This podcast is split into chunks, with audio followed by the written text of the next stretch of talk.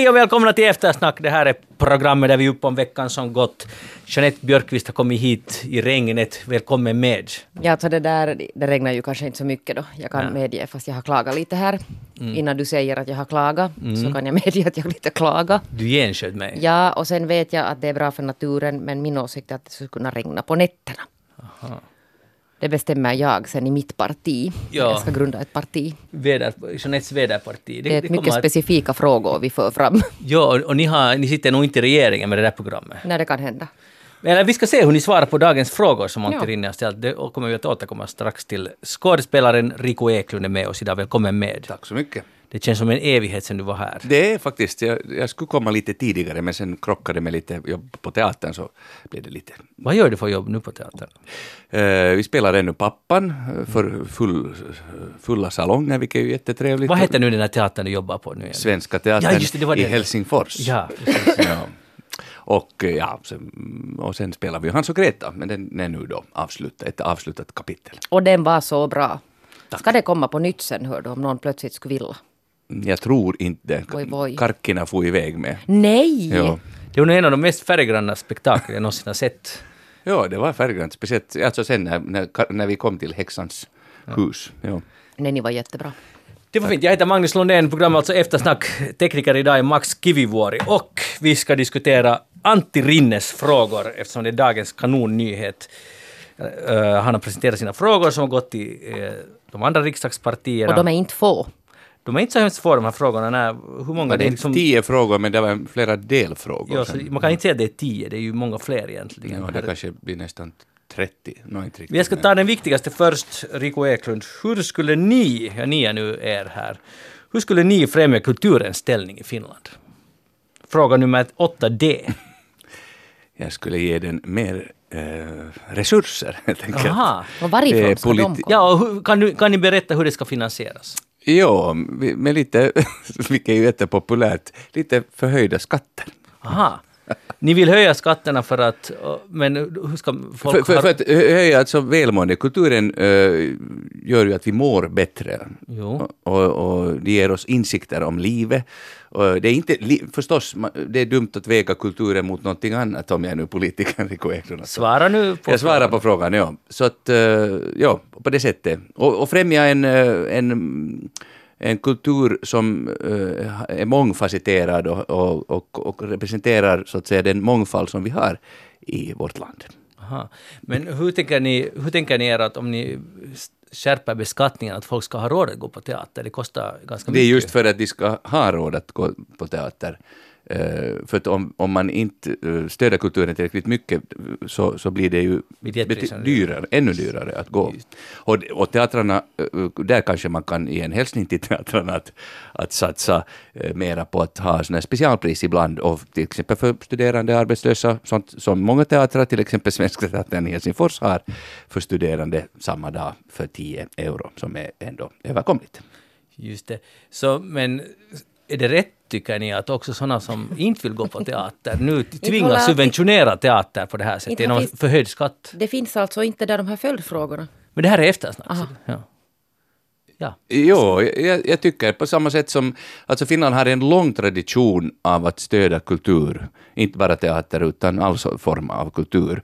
Så, och jag tror att det är en delorsak till att vi mår bra överlag, inte bara i Finland utan i Norden, utan det, det, det finns alltså en, det är så, att säga en del av hela, eh, hela vårt samhälle, samhälle, hälsovården och kulturen och trafiken och Eh, Om vi leker något jag är Antti vilket Mm. ju nästan är så.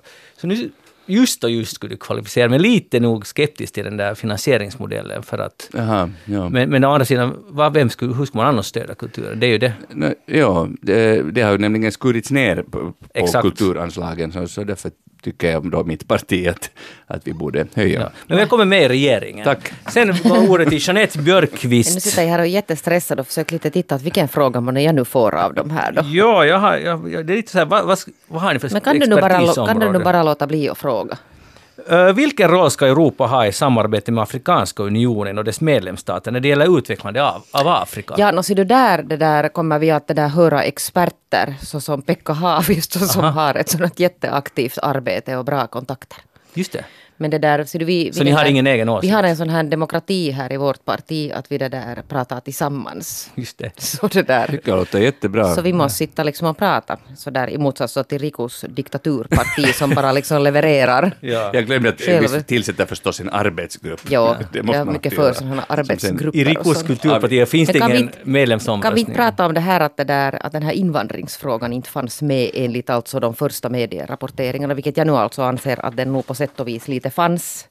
Ja, alltså det mest uppseendeväckande är kanske jag vet inte om man ska ge någon uppmärksamhet vid i vilken ordning de här frågorna kommer, men det handlar ju först faktiskt om, om klimatförändringen. Ja, och klimatförändringen är ställd alltså på ett sånt sätt att den här, till exempel om man har funderat nu mellan de här Sannfinländarna och Samlingspartiet och sen kanske då Centern. Så den här alltså första frågan spelar ju egentligen ut Sannfinländarna genast. I praktiken, i och med att det var de enda partier som inte ställde sig bakom den här deklarationen från i december. Så det är ju faktiskt ganska intressant och det, kan, det är inte en slump att det är på det sättet ställt de här frågorna. Sen är här ju, ja Rico. Nej, jag tänkte, och det är en fråga som också äh, spelar ut Sannfinländarna, är ju fråga om nationalspråken. Sannfinländarna vill ju inte att svenska ska vara ett nationalspråk.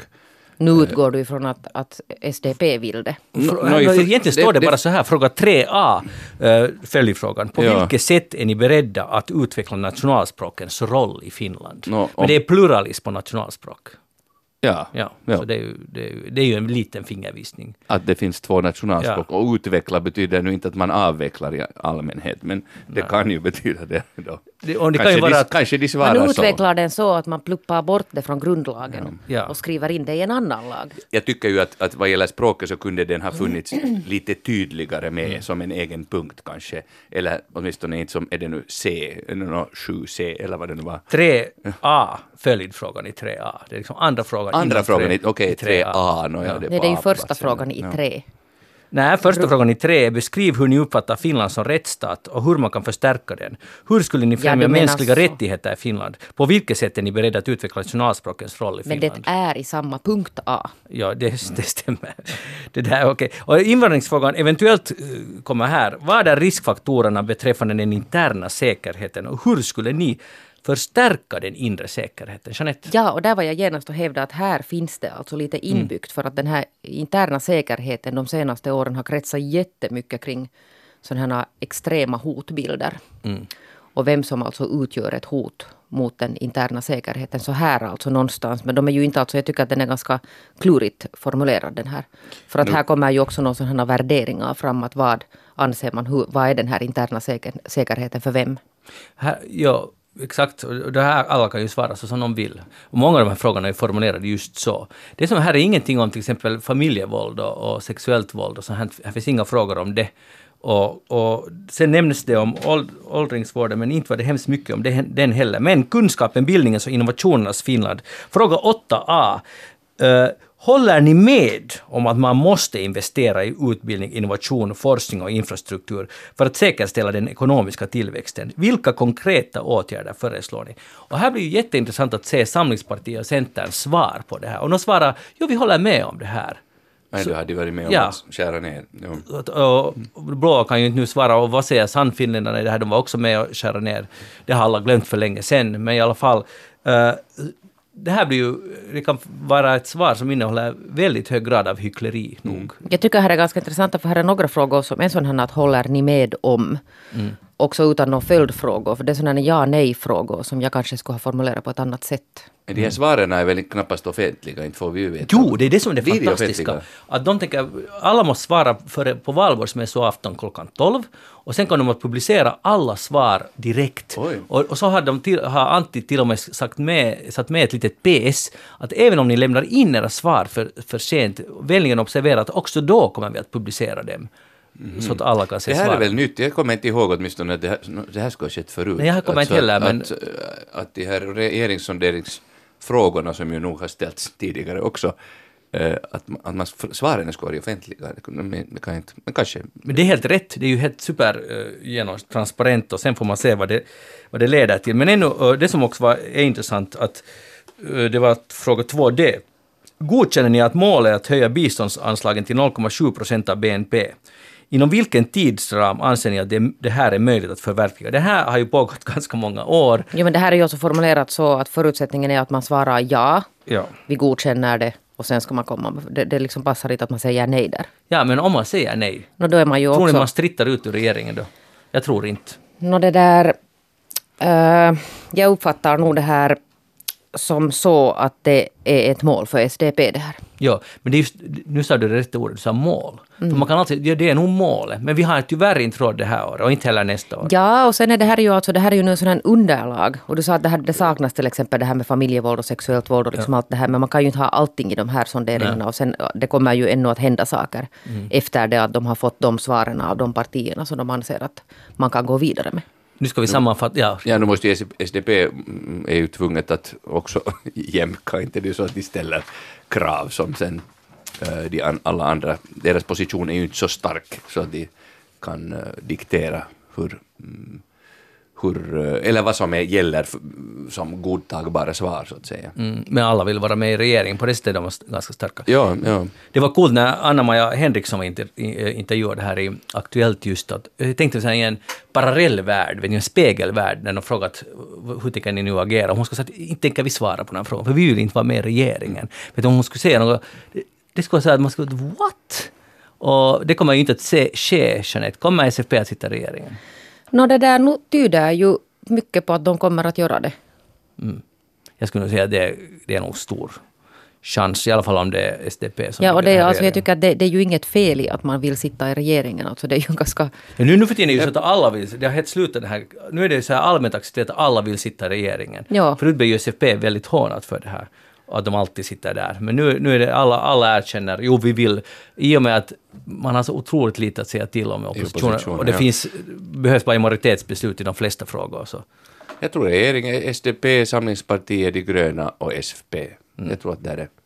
Det Där är Det gängse tipset just, just nu. Och Jeanettes tips, tippning? No, jag håller nog kanske lite nu här på, med på Rikos linje. Jag tycker att om man har lyssnat nu den här veckan på hur till exempel Petteri Orpo formulerar sig så börjar det nog låta som att där är, en, är någonting på gång. Tycke En- har om uppstått. valet, alltså Men det lätt blir det inte. Men då, då faller en valvinnare ut och det, och det är Vänsterförbundet som trots allt plockar upp ganska mycket röster. Ja, men, men hur ska, alltså det har jag svårt att tänka med Samlingspartiet och, och Vänsterpartiet i samma regering. Och vi har sett det och det var ju jag- uselt. Ja, Ja. så det, då, då, då, då är det liksom, då skulle det inte vara Samlingspartiet Men jag som tror- skulle, men de, jag, jag tycker ju ännu, alltså Samlingspartiet, om man får tala om valresultatet, så klarar sig förvånansvärt bra. Alltså, Mm.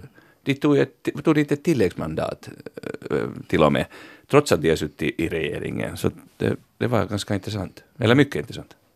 Jag tror att den här Antti Rinnes alltså drömscenario skulle ju ha varit att Centern nu inte skulle ha klarat sig riktigt så dåligt. Att det, var där, det skulle ha varit där alltså man går och börjar sondera. Då kanske Vänsterförbundet skulle ha kunnat rymmats med. Men det där, nu gick det ju som det gick. Nå, det här, är- jag tycker det här är extremt spännande. Det är nästan mer spännande än själva valet. Eller ska vi säga, det här är liksom akt två. Förstår ni i Kulturpartiet den här liknelsen? Vi i Kulturpartiet förstår det. Ja, och snart kommer eh, EU-valet, där kommer vi att satsa hårt också. Vårt kulturparti. Ja, just det.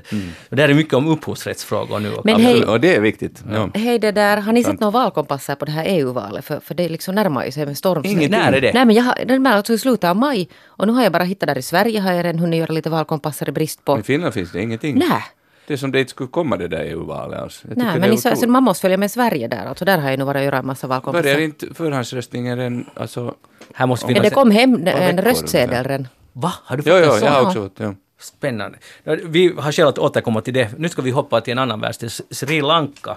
Påsken var inte så helig i Sri Lanka, åtminstone 250 döda i flera terrorattacker ungefär samtidigt, var det åtta eller nio uh, självmordsbombare.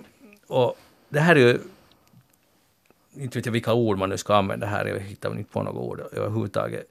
Uh, det har uppmärksammats ganska mycket, men jag tycker att Finland ändå inte så mycket. Om man jämför till exempel med Nya Zeeland, så tycker jag att det var mera skriverier kring det.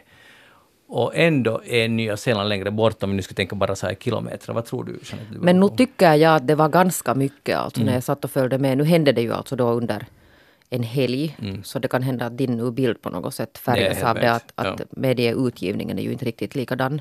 Men nu var det mycket. Alltså jag satt och följde med på kvällstidningarna och hade nog ganska det där omfattande bevakning på det här. Men jag skulle nog ändå hålla med Magnus här nu lite att att det var mera om Nya Zeeland. Och, och, jag, och jag tror att den här förklaringen är på ett sätt då inom citationstecken enkel.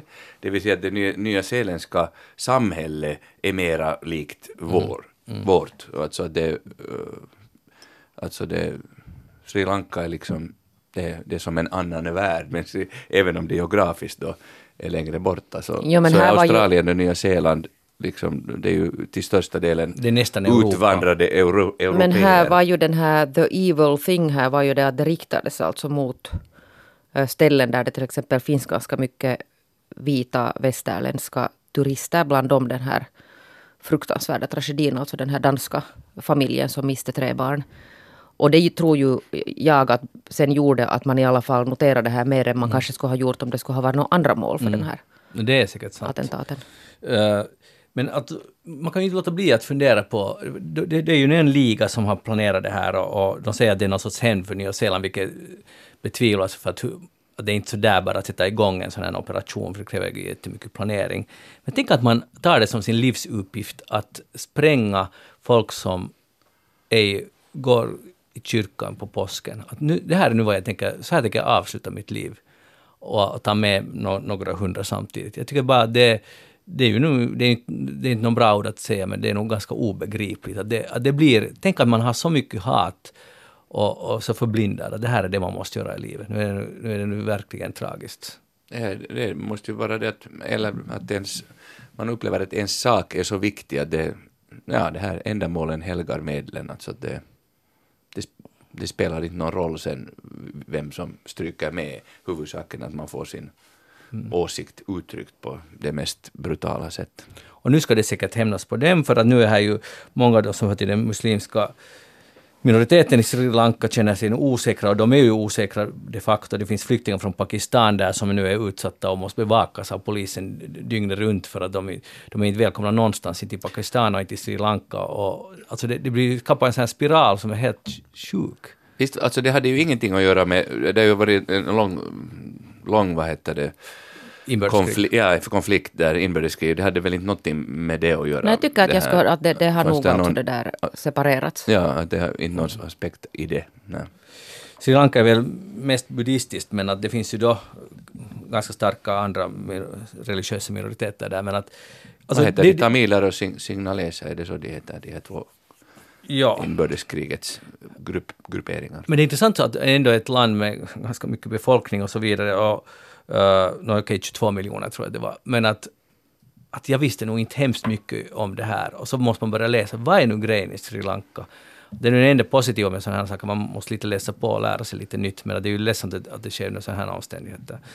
Så, uh, ja, man får nu bara hoppas, jag vet inte om det är en föga förhoppning, men att, att inte hämndspiralen fortsätter, för kom, man kan alltid motivera nästa attack med föregående attack, om man är lagd på det sättet. Vi ska tala om betydligt mindre problem, eh, kan man väl lugnt säga, men i alla fall en, en lokal sak. Biljet, den nya biljettomställningen i Helsingfors och Esbo och Vanda och Grankula och Sibbo, ja, är Sibbo med? Ja, Kyrkset och så vidare.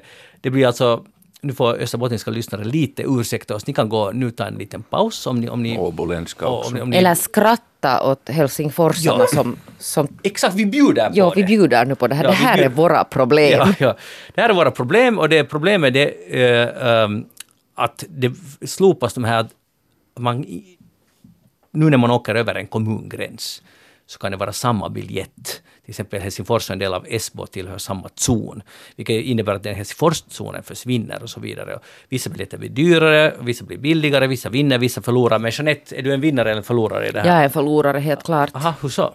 No, därför för att det där... rör sig bara i stadskärnan.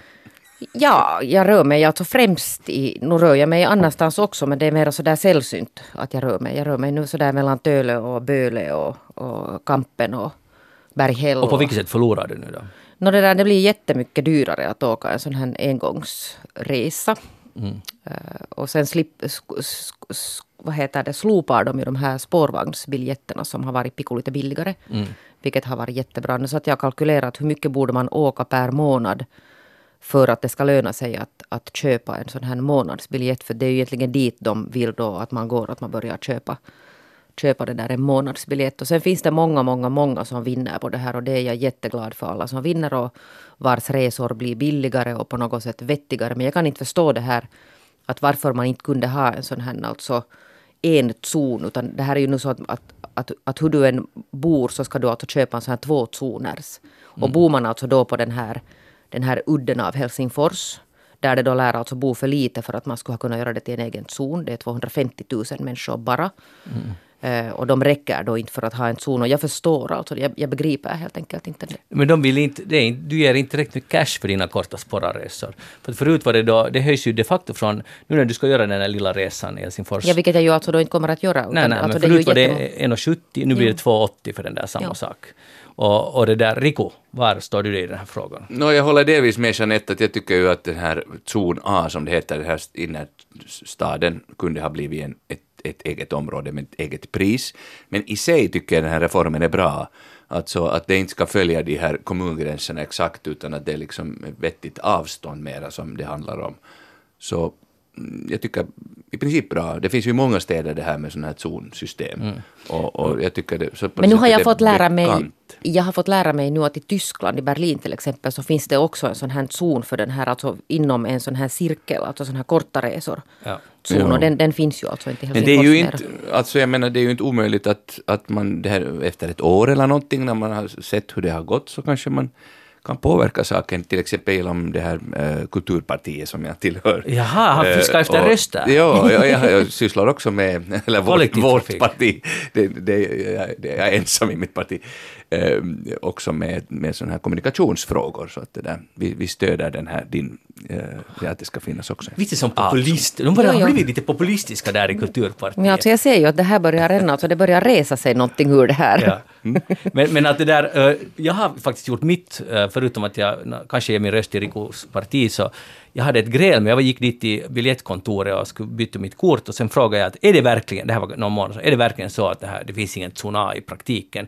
För det är ju löjligt att kalla det för zon A, mm, för det, det finns ingen zon A. Kan de bara kalla det allt sammans då i så fall för zon B? Uh, I alla fall, och så sa hon att det, det blir mycket billigare för många. Så att, ja, det, och det är vi jätteglada för. Pendlare vinner och det är ju bra, det ökar pendling. Men, men att igen så eller inte vet jag om det är igen, vi ska inte vara martyrer här, men det är ganska ofta så att, att man liksom tänker inte på Helsingforsborna, som trots allt är ganska många, och det är helt bra att de åker spåra Men inte tillräckligt många. Nej.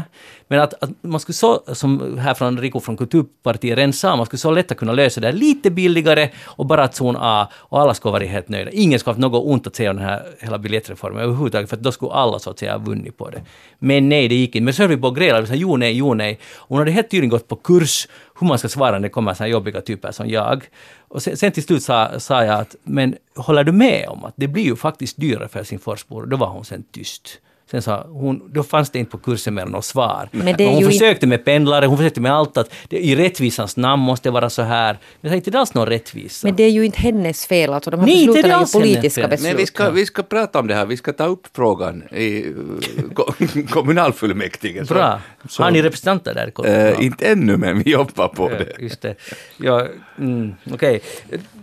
Får jag säga en, tänker no, du gå vidare? Jag vill bara säga för att jag satt ut alltså på min egen Facebook en sån här offentlig postning på det här idag. Och här kommer nu Björn Månsson som alltså sitter i stadsfullmäktige. Här finns långa, han svarar nu alltså utförligt. Så den som är intresserad av det här kan gå in på min Facebook-sida och läsa. Ja, men hur långt man än svarar och hur mycket man säger att det ska vara Nej, avståndsbaserat men, jo, och så men, vidare. Och han förklarar också alltså hur den här politiska argumentationen gick och hur, ja. hur SFP till exempel var mot det här med vem som körde över alltså hela ah, okay. det här spelet här. Utmärkt. Och han är mycket bra den här för att han är sådär tillgänglig alltid. Bra. Folkvald. Mm. Hej, hur, hur kändes livet igår för er? Igår? Ja, igår. Uh, tack, bra. Sådär, upplevde du något, något som gav dig njutning på något ett eller annat sätt? Ja. Lärde du dig något nytt? Uh, något nytt? Nej, inte något konkret som jag nu kommer genast på, men, men det var en bra dag på många sätt, ja. Jeanette? Ja, nu kom Riku på någonting. Jo, jag kom faktiskt på någonting, nämligen jag lärde mig något nytt på det sättet att hur man med små förändringar i sin tillvaro kan se saker ur en ny synvinkel. Ja, och det upplevde jag igår för att um, vi har uh, badrumsrenovering på gång som nu har dragit lite ut på tiden och ehm, och det är ganska dammigt och det är lite svårt att sova där, så vi har nu tillfälligt en lit- liten etta nära vårt hem. Och, och det är ganska intressant hur man bara med att förflytta sig och bo några nätter eh, väldigt nära där vi annars bor, så hur allt känns på något sätt eh, nytt. Och, och man blir glad och upptäcker nya sidor av sin stad, eller sin miljö och sitt liv på sätt och vis. Fantastiskt. Jeanette, har du någon liknande upplevelse från igår? Från igår, alltså det där jag satt Uttryckligen från igår. Men vänta nu, idag är det fredag, det var alltså torsdag Ja, igår. korrekt. Jag tror att jag det där hade inte någon särskilt bra dag igår för att jag Aha. är här i slutfasen av en publicering som ska ske på söndagen. Så det var ännu de här sista, så det var ganska angstig dag. Skulle jag våga påstå. För nu är det så att mer än hälften av världens befolkning lärde sig inte något nytt igår, eller gjorde inte heller något intressant igår. Så det är i medeltal. För nu har Gallup-institutet intervjuat folk i 140 olika länder. Och för att komma underfund med att hur känslan av lycka igen och sen att har man lärt sig något intressant. Och jag, jag tycker att det mest intressanta i den här undersökningen är det att tänk att vara varann, om det här nu stämmer, att under hälften av människorna är nöjda med sin gårdag. Alltså vänta nu, de har gjort det alltså idag. Nej, det var liksom statistiskt att de frågade, när de Ah, ställde vilken som helst inte just gårdag. Jag tänkte att det ja, var just exakt samma dag igår. Nej, det var i Finland gick, gjordes... Jättesnabba att sammanställa. Vi Jo, frågade igår också. och nu har hela världen Ja, sammanställt på, exakt. på Ja. ett dygn. Ja. I, i Jeanettes parti är inte, det är inte så viktigt med sådana här saker. Det, där, det här var i Finland, jag tittade, kollade upp det, de gjorde det förra sommaren i Finland. Ja. Och de gjorde undersökningen både på finska och svenska. Och de har intervjuat 1006 människor i Finland. Men de har intervjuat alltså folk från hela världen i 140 olika länder. 1006. Ja. Aha, det Ja. var intressant. Ja. Det var ju- 1006 i hela världen. I Finland, Jeanette! Alltså, du, Lyssna, lyssna. I Finland, det här är en global undersökning. De har intervjuat, vad det var 150 000 människor eller något, 151 000 människor har de intervjuat. Förstår du nu grund? Ja, nu förstår jag. Ja, bra. Och, det, det var liksom hypotetiskt det där med igår, men i alla fall. Tycker ni inte att det är ganska ledsamt, Jeanette? Jag vet inte om jag vågar fråga dig något mer, men är det lite ledsamt att färre än hälften tycker att gårdagen var helt okej? Eller det var, att gav dig någon sorts Men vad, tyckte de, men vad tyckte de andra då? Jag tyckte att det, da, gårdagen sög. Alltså sög eller var en sån här att det hände ingenting speciellt? Nåja, Inte det är ju alltid dåligt heller om inte händer någonting speciellt. Nej, men om inte man lär sig något nytt alls. Nej, men inte kan man nu varje dag lära sig något nytt. Jag skulle inte alls se så deprimerad på det här. Det går ju upp och ner. Om all, alltså man skulle bli helt tokig, tror jag, på riktigt, om man, och, och ganska uttråkad om varje dag skulle vara lika. Man skulle varje dag lära sig något nytt och varje dag skulle vara fantastiskt. Det, det skulle inte vara det, utan det är de här kontrasterna och de där mellandagarna som gör att man sen blir lycklig sen någon dag och någon sekund. Exakt.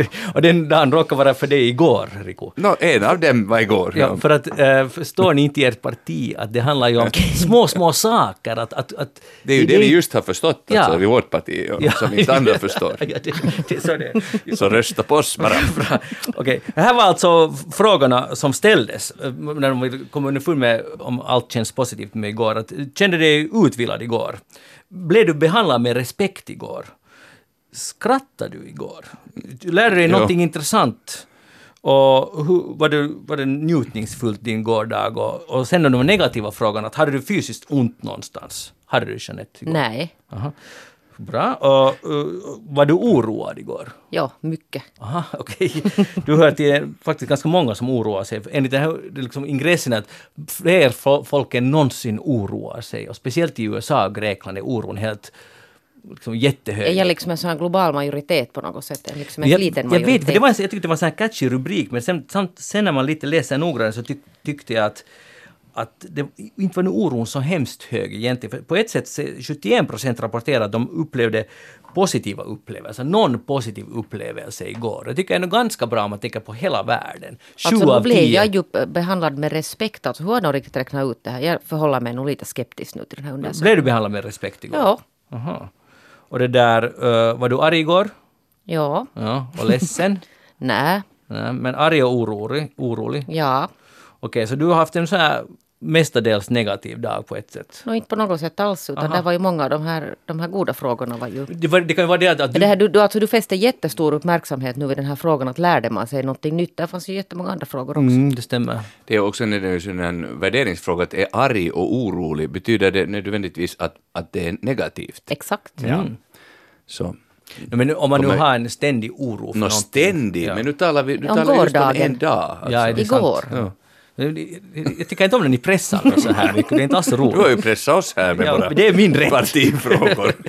Hörni, den där, eh, när, när, när de intervjuar om negativitet, liksom att, att man har haft negativa känslor, så det är ju inte alls, det är inte alls samma länder som har haft, liksom, förstår ni, lägsta positiva känslor. Så det är också ganska intressant. Men de som har haft lägsta andelen negativa känslor igår är Azerbajdzjan och Kirgisien och Lettland. Och sen kommer Sverige! Haft, alltså de har bevisligen, eller enligt den här undersökningen i alla fall, fjärde minst negativa tankar om gårdagen i hela världen. Vad fint. Heja Sverige! Ja. Var var Finland där man... Nej, Azerbajdzjan kan jag tänka mig bara på basen av mitt enda besök där tills vidare. Som jag, ja, jag ska inte säga någonting om det. Jag är ju på väg dit, har varit på väg i fyra år nu snart på nytt. Men, men mitt be, första besök där så då var det en, faktiskt en stor upplevelse det där hur vänliga människor var och glada. Alltså det här är ju på ett hemskt ytligt plan men sådär som när man ser, träffar folk på, på gatan och vi träffar ju också inte bara på, på gatan människor utan olika tillställningar och sådär men så var det ett väldigt sånt öppet och glatt eh, bemötande. Mm. Men allra gladast, som liksom alltid kan se på sin gårdag som en positiv upplevelse, det är nästan alla sydamerikanska länder. Här och... och bara- Inklusive Chile. Nej, förlåt, inte bara sy- Syd och Centralamerika. Paraguay, Panama, Guatemala, Mexiko, El Salvador. De är alltså, de, de älskar sin gårdag. Oberoende egentligen hur det är sådär objektivt sett, för att, jag menar, inte, det här är inte speciellt förmögna länder och så vidare, utan de upplever bara att lyckan är här och nu. Men Åtminstone du- enligt det här. Men var var den där Finland nu på listan? No, det är ju det att jag beställde den här rapporten, man måste fylla i ett formulär för att få den här rapporten. Och jag fick den, men Finland är bara där med på kartan och det verkar, läget verkar vara under kontroll, men det finns ingen sån här appendix med alla länder, vilket jag, man borde skriva och kritisera den för. Man får bara Absolut. lite så här, sådana här. Och det sista jag vill berätta, för jag ska få till Vitryssland i juni och åka med tåg därigenom och bli en dag i, i metropolen Brest. Och det är lite oroväckande, för det är det landet som uppvisar minst emotioner liksom känslor överhuvud, varken positiva eller negativa. De är bara ice cold, iskalla stenansikten hela tiden. Enligt den här undersökningen. Jag tror att du kommer att upptäcka att det inte stämmer. Tack. Men hör du, du sa ingenting om din egen gårdag? Där fanns nog både glädje och ledsamhet. Så Ja, jag, fanns det mera ledsamhet eller glädje? nå, just igår var det, fanns det nog en del ledsamhet faktiskt. Mm. Ja, Så att, eh, det, var just, det var min gårdag. Du sällar dig till majoriteten, det vill säga vi som hade en lite sämre Ja, gårdag. ja. Men livet går vidare. Jeanette Björkis, vad har du tänkt på den här veckan? Hörde, hörde. hör jag har ju tänkt på chefer så där som jag ofta gör och särskilt nu när jag inte har någon chef utan jag är min egen chef för att jag ramlade över en sån här finska yle här i början av veckan. Faktiskt utlänkad också på vår Facebook-sida om det här nya ledarskapet som nu har då äh, nått också det finska Finland tydligen. Det är en sån här äh, expert på konflikthantering i arbetsgemenskaper vid Försvarshögskolan, Pia Lappalainen, som nu har skrivit om den här det här att hur man nu ska reformera hela det här ledarskapet i, i detta land, Finland. Eh, där man alltså då ska börja se till exempel den här individen som, som inte bara någon, någon som, som gör prestationer, alltså arbetsprestationer på en arbetsplats, utan som en helhetsfigur och sen ska den här ledaren vara alltså sån, skapt så att man kan alltså se människan så här som en helhet. Eh, till exempel så här att det där istället för att bara säga att oj, det blev ju en, en bra juttu, så kan man alltså säga att oj, du är det här limmet som håller ihop den här arbetsgemenskapen. Och det här är nu alltså någonting som då, då chefer i detta land också borde lära sig. Bland annat anser hon. Och säger att det här är helt ett nytt sätt att tänka. Eh, och sen också den här att man har förståelse för att arbetsplatser alltid består av olika personligheter. Eh, och man måste kunna liksom beakta de här personligheterna. Så att man, att man liksom värderar det vad just den personligheten ger. Och inte, inte styra med sån här hård hand och försöka få alla att underkasta sig. För att det får också människor att känna sig värdefullare. Och jag är ju jättefascinerad alltså av, av chefskap. Vad, vad, du tror inte på underkastelse som ideologi då? Nej, jag har ju det där faktiskt levt en, en kort tid av mitt liv på en arbetsplats som var lite så här. Var det så? Alla, Toppstyrt menar du? alla går att ersätta kulturen. Jaha. Och det kändes ju inte helt sådär fruktbart. Ska man inte säga så till anställda? Nej, det verkar enligt den här nu, alltså Försvarshögskolans expert, så, så är det verkligen alltså jättedåligt sätt att styra. Tänk att det kommer från försvarshögskolan. Det är också, Jag jag, menar- förvånar Nya mig. Det är nya tider, ja. Då när jag gick på Försvarshögskolan innan jag grundade mitt också. kulturparti så, ja, så då var det inte så. Det vill säga eh, när jag gjorde min militärtjänstgöring tänkte jag på.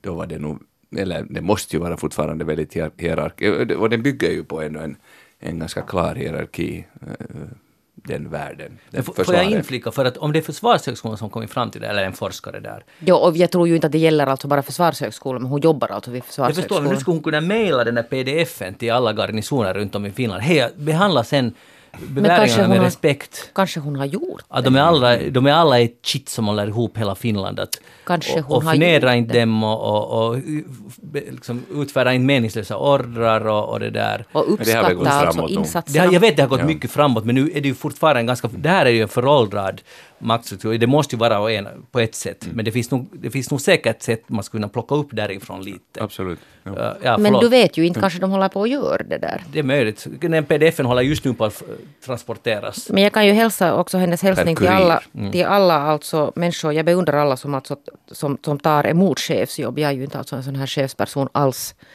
Men det där att man kan gärna komma ihåg att det där chefens uppgift också är ett litet sånt här serviceyrke. Att det är chefen som, som har i uppgift att se till att allting fungerar så att man får ett bra jobb gjort. Och det ty tycker jag ju kanske att många chefer glömmer bort. Jag är alltid lika uh, förvånad över att det finns folk som vill bli chefer. För att det, det är ju nog, det är ganska otacksamt nog.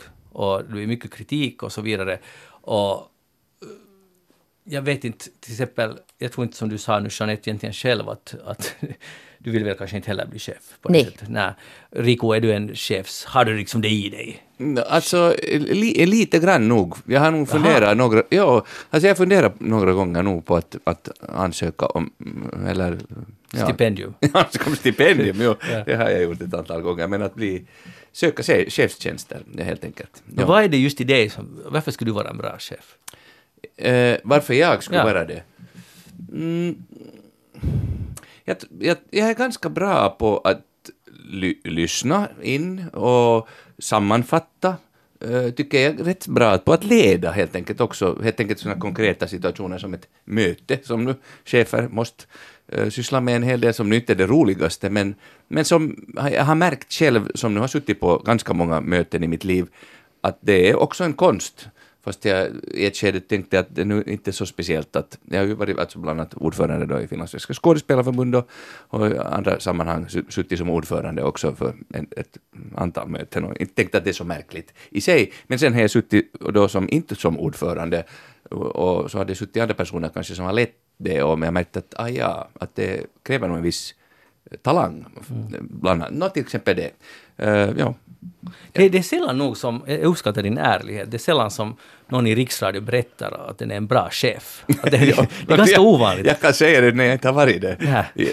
Att jag, jag, Speciellt är det ovanligt just det att man inte har varit det och säger att man skulle vara...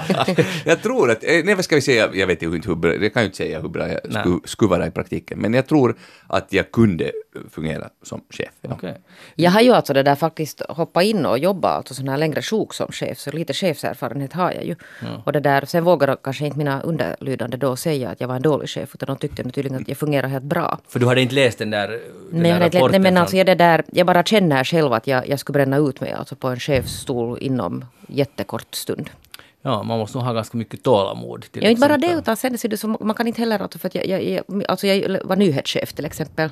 Och då, då ser jag ju, eftersom jag själv har jobbat som knegare, så ser jag ju att, att när en människa har för mycket jobb och tänker att jag kan inte lasta alltså mera jobb på den här. Sen blev det ju så att jag började ju själv göra. Men sen i det skedet när, när jag själv börjar göra alla andras jobb för att inte de ska belastas så blir det lite too much. Det, och det är ganska lätt hänt det där. Väldigt lätt hänt. Jaha, så vi har lärt oss att Rico är en bra chef, Jeanette är inte en bra chef och det blir oklart hur jag är, men vi går vidare. Rico Eklund, vad har du tänkt på den här veckan? Men det blir ganska intressant brygga här nu, för att jag har tänkt på någonting som heter civil olydnad. V- va- vad är det? Ja, och när, och när är det okej att syssla med det? Och är det överhuvudtaget bra? Eh, och då är det intressant just om man, om man då skulle vara, ponera att man är chef och någon sysslar med civil olydnad, någon som inte följer eh, de överenskomna reglerna. Jag tycker att civil olydnad i vissa situationer är rätt. Och jag tänker framförallt nu på två serier som som bäst finns eh, tillgängliga på Yle arenan. Och den ena är en, en poddserie som handlar om uh, de judiska flyktingar som kom hit på 30-talet till Finland och sen utlämnande av de här, var de åtta stycken, till en sannolik säker död i Tyskland. Och alla, alla, alla utom 28. en, 28 ja. blev förintade. Och där var ju en som verkligen sysslade med civil olydnad var en, den som hjälpte dem kanske mest, Maurit, eh, inte Maurits utan Abraham, eh, brodern, eh, Abraham Stiller, eh, som inte hade någon position, varken i samhället egentligen och inte i den judiska församlingen var han inte heller någon eh, talesman eh, sådär officiellt, men inofficiellt tog han den positionen och, och Eh, var inte rädd för att eh, så att säga gå till högsta ort och till ministrar och annat eh, och direkt bara dyka upp och, och, och kräva äh, mm, judarnas rätt helt enkelt och, och, att de skulle skyddas. Och hjälpte också konkret att, att gömma undan dem sen i, på landsorten när, när Finland var allierat med tyskarna och så vidare. Jag tycker ju att han gjorde alldeles rätt och var en, var en, en sorts hjälte, Abraham Stiller. Um, en annan som då är närmare i tiden, från 70-talet, är den här Invisible, Invisible Heroes, som handlar alltså om militärkuppen i Chile och eh, den finländska eh, han var inte ambassadör väl direkt, utan han var, vad hette, jag minns inte vad den här titeln är, men, men näst, um, under, näst högst, var, näst högst ja, i alla fall, Tapani Broterus och hans fru som hette hon, nu tror jag Lysa, de, de lever fortfarande båda. Och det har gjorts en jättefin, tycker jag, tv-serie på sex avsnitt. Jag har sett nu hälften där mina fina goda kollegor eh, Pelle och Sofia Heikkilä spelar det här eh, paret, eh, Broterus och, och de alltså, när, när militärkuppen skedde i Chile så sökte sig många Eh, tiotusental till eh, olika, inte bara Finlands ambassad förstås, utan till en massa ambassader för att söka skydd och, och, och rädda sig undan den här militärkuppen. och, och, eh, och då fick ju då den här Broterus uh, order från Finland, från UM, att han, han ska tömma ambassaden, de, de, ska inte hjälpas, vi ska vara neutrala och inte ta någon ställning. Och då gick han då emot den ordern och Eh, skydda dem och, och ordna så att de, de, en del, ett par hundra ungefär fick faktiskt sen komma till Finland. Men de flesta av dem kom till, till DDR av de, de som, som räddades via Finlands ambassad. Och jag tycker ju att de också var hjältar och gjorde rätt. Men var, alltså det är en svår sits, att var går den där att om alla skulle göra så, om alla skulle bryta mot överenskomna regler, så skulle samhället kollapsa. Alltså det skulle inte fungera. Uh, alltså, I det här fallet så, jag tycker också, det har ju skrivits nu en del på senaste åren om det här Broterus-fallet mm. och man blir ju att wow, det är liksom jätteimponerande och fint det de ja. gjorde. Men man tycker ju att det är fint därför man tycker att det var en rätt sak att göra. Men sen tycker man inte, eller vi, vem som helst tycker inte om civilolydnad om det är mot ens egna värderingar. värderingar. Ja, precis. det blir ju ganska intressant då om det ska vara tvärtom, att härifrån kommer order att ta emot så många ni kan och sen den ja, som det... råkar jobba på ambassaden, nej vi tar inte, jag tänker inte ta emot för jag nej. tänker inte hjälpa de här nej. människorna. De är, de är slashasar, de ska inte vara här och de får fixa det själva i sitt eget land och nu stänger vi porten. Då ska man ju bli jätteupprörd över sån civil olydnad. Alldeles, alldeles riktigt, ja. Men det, det, jag tycker den här gränsen är otroligt svår att, att dra och det är, liksom, det, på, det är ju lätt att eh, se så här i backspegeln. Men just nu i den här situationen, där vi är nu, mm. så, så var går gränsen? Vad är, vad är, liksom, vad är okej? Okay? Jag, jag har inte ett svar på det, men att men, men, du måste, men, men jag har, Alltså jag tycker det svaret är ganska, var gränsen går är nog omöjligt att säga för den är säkert olika ja, för olika människor men utan civil olydnad så skulle ju inte samhället gå framåt. Det är nu en, ja, det är helt, så mycket bevisat så många gånger att Och båda de här exemplen du tar är jätteviktiga att lyssna på. Jag har inte sett det här TV-programmet med den där dokumentären och, och säkert också det här TV-programmet, så nu är det ju inspirerande att se att en, än en gång Ja. klichén, enskilda ju människor spelar roll. Här är ju så centrala saker som att rädda människoliv. Mm. och det är liksom nog på något sätt, jag tycker att där, där, där, där vet jag inte hur mycket man behöver fundera på det att, att, att finns Att det någonting, in. alltså, exakt, om det handlar om att rädda liv. Ja. Korrekt. Nu, nu bröt min tanke helt. Men där finns två bra tips att se på, båda finns väl på Jo, arenan. nu kom jag på vad jag skulle säga ännu om den här serien. Alltså. Vilket jag tycker är så fantastiskt med den är att man äntligen spelar eh, på många språk. Alltså i en finsk tv-serie. Där talas spanska, det är ju alltså en samproduktion med, jag tror det är Chiles statliga tv, eller i alla fall ett chilenskt produktionsbolag, chi- chilenska skådespelare med. Eh, och så talas det då mycket finska, engelska och svenska och kanske ännu något språk. Jag tycker det det är just rätt, alltså, att tala de språk man på riktigt ska tala i de olika situationerna. Och tänk, det gick! De har lyckats. Det, det, gick, gick. det Det, gick. det, det man trodde att inte var möjligt. Ja, jag hoppas att det öppnar nu för, Ja. att, för kommande tv-produktioner och filmer i Finland, att man talar det språk som man ska tala på riktigt. Utmärkt. Uh, hur har ni det med allergin, hörni, Jeanette och Rico Eklund? Hör du det där, jag har ju lyckligtvis ingen allergi. Aha, och Rico?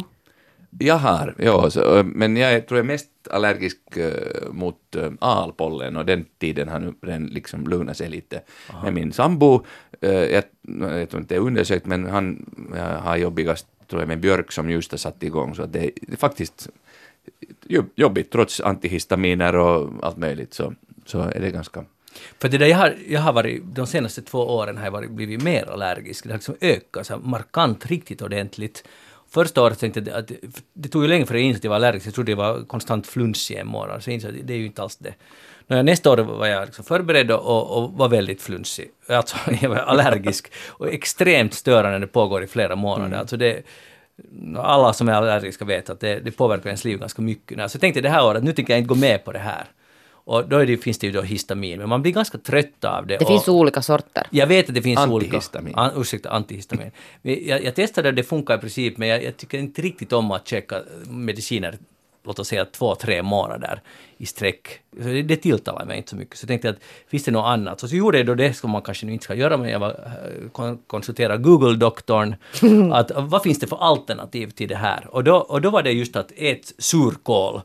Så nu har jag ätit surkål nu i två veckor, det är ganska gott annars. Det är bra, bra Surkål tips är gott, men hjälper det? för att få tarmen i skick, liksom för att allt handlar om immunförsvaret och så vidare.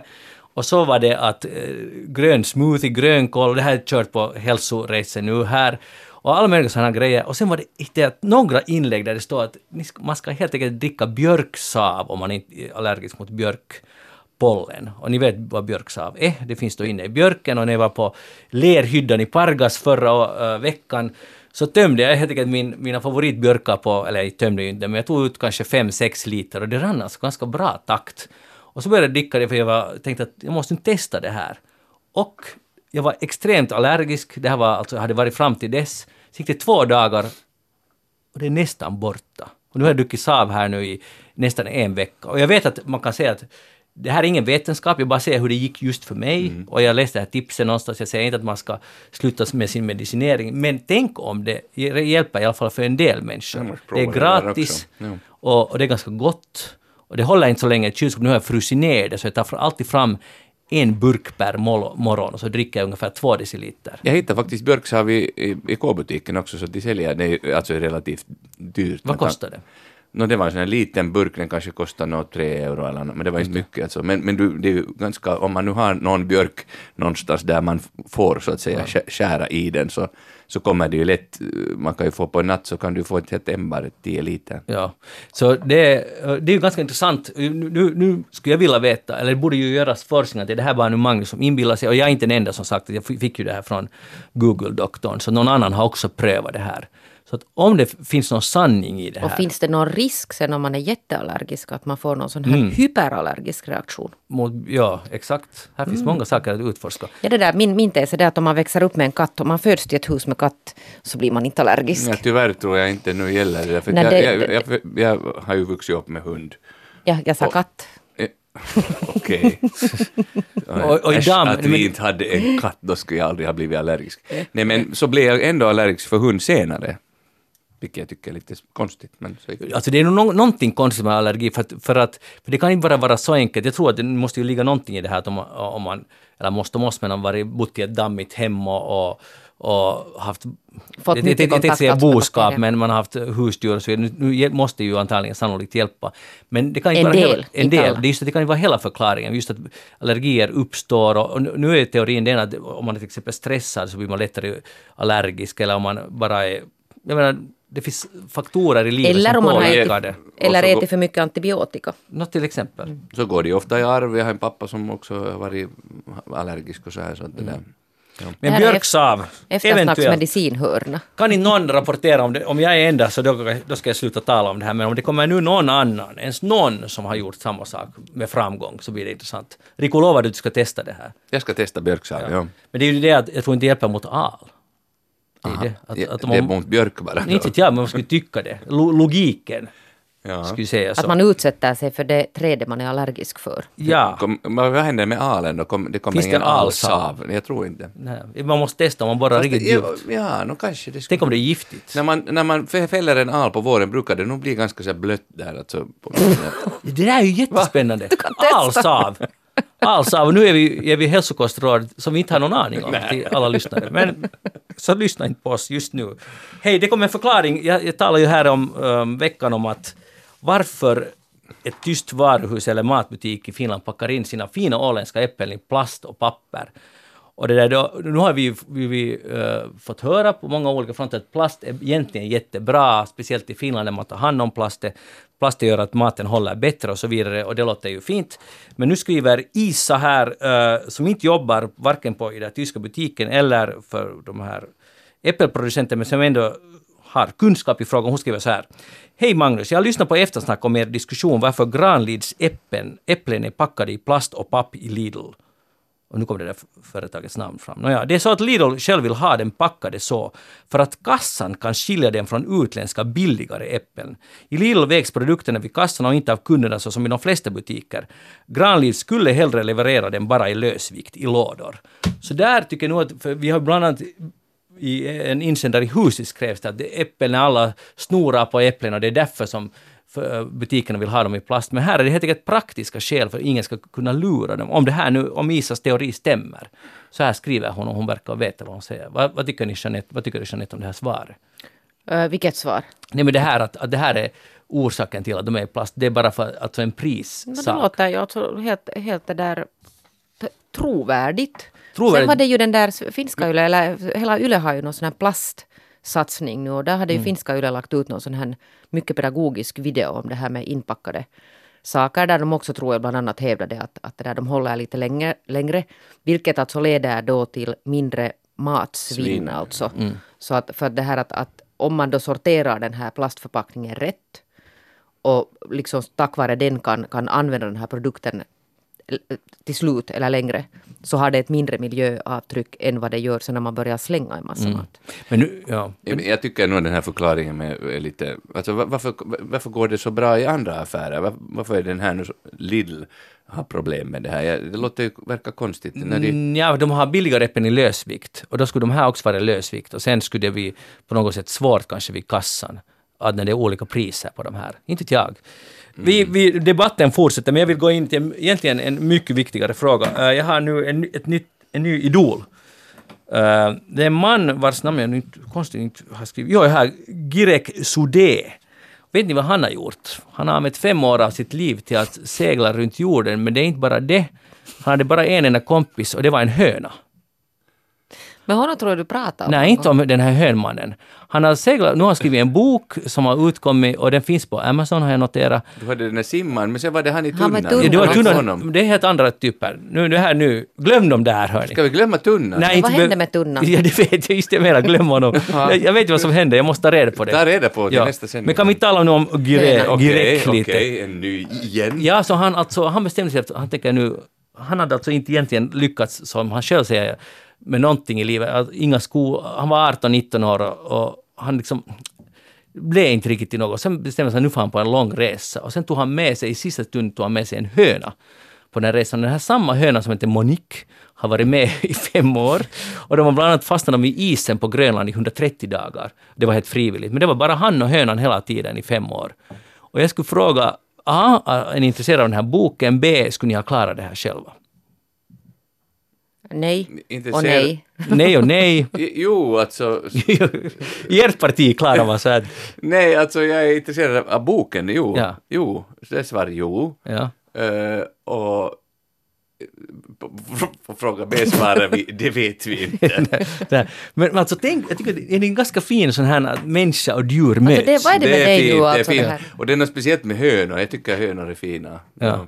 Och, och, och det finns massa foton i den här boken när hönan i olika miljöer. Och, Ja. och när han, tar, han intervjuade då så talar han alltid om vi. Sen gjorde, bestämde vi att fara till Ja, Grönland. ja, men det blir ju förstås så Ja. om man nu på tu man har med hönor så det är mycket Det där, vad åkte de i alltså? En segelbåt En riktigt sån här riktig segelbåt? Ja, de hade nog seglat med för stora. Nej. Och den här, det som var praktiskt med att ha hönan, han sa när han for iväg så tänkte han så här att, att om han tröttnar på Monique så kan han ju alltid äta upp henne. Och nu hade han grymt morkis för det, att han har tänkt sådana Ja, hemska alla det förstår jag. Ja. Monica har säkert försett honom Ja, med ja. lite ägg där. Jo, du har rätt, för att då när de var fast på Grönlandsisen så under eh, 130 dagar kläckte hon 106 ägg. Och ändå gick han ner 12 kilo, men han sa att utan Monique så skulle han helt enkelt ha dött där, för det skulle inte fixa sig. Men, han, Men hon måste jobbar- ju också äta någonting. Ja, det, det är ju sant. Men kanske han hade med sig något foder. Det måste han ju ha haft. Ja. Ja, Men varför hon- han, åt han inte det fodret själv då? Nå, inte vet jag, inte vill man äta något hönsfoder. Inte. Men om man är illa ute? Nå, ja, men hellre tar man nu det där färska ägget än det där fodret. Vad krävs det, Rico, för att man ska fem år vara med en höna ensam? Liksom att, är, man lite speciell ändå? Mycket speciell, ja. Och ett starkt psyke kräv, kräver det, men, men en speciell läggning tror jag nog. Och att man kanske inte har alla sorters behov. Hör du det där... Okej. Men han, fotar han henne med, med mobiltelefon eller med någon kamera? Mm, det vet jag, men det finns gott om fotografier. Så då om han har fotat med mobiltelefon så betyder det att han har haft någon annan kontakt också därifrån. Nu har han säkert haft någon... Nej, han hade ingen radio ombord på båten. Nej, men telefonen kan man kontakta folk med, visste du det? Eftersnack är slut med idag, men Jeanette fick sista ordet. Det är inte ofta, men just idag blev det så. Jeanette Björkqvist, tack så hemskt mycket för att du var här. Rico Eklund, tack för att ert parti ställde upp Tack, i valet och stödde demokratin och så vidare. Tack. Och välkommen med i regeringen. Jag heter Magnus Lundén. Programmet är alltså Eftersnack. Vi är tillbaka genom en vecka med nya sanningar om nya saker och om allt mellan himmel och jord. Gå in på vår Facebook-sida facebook.com eftersnack. Ha det bra tills dess. Hej då!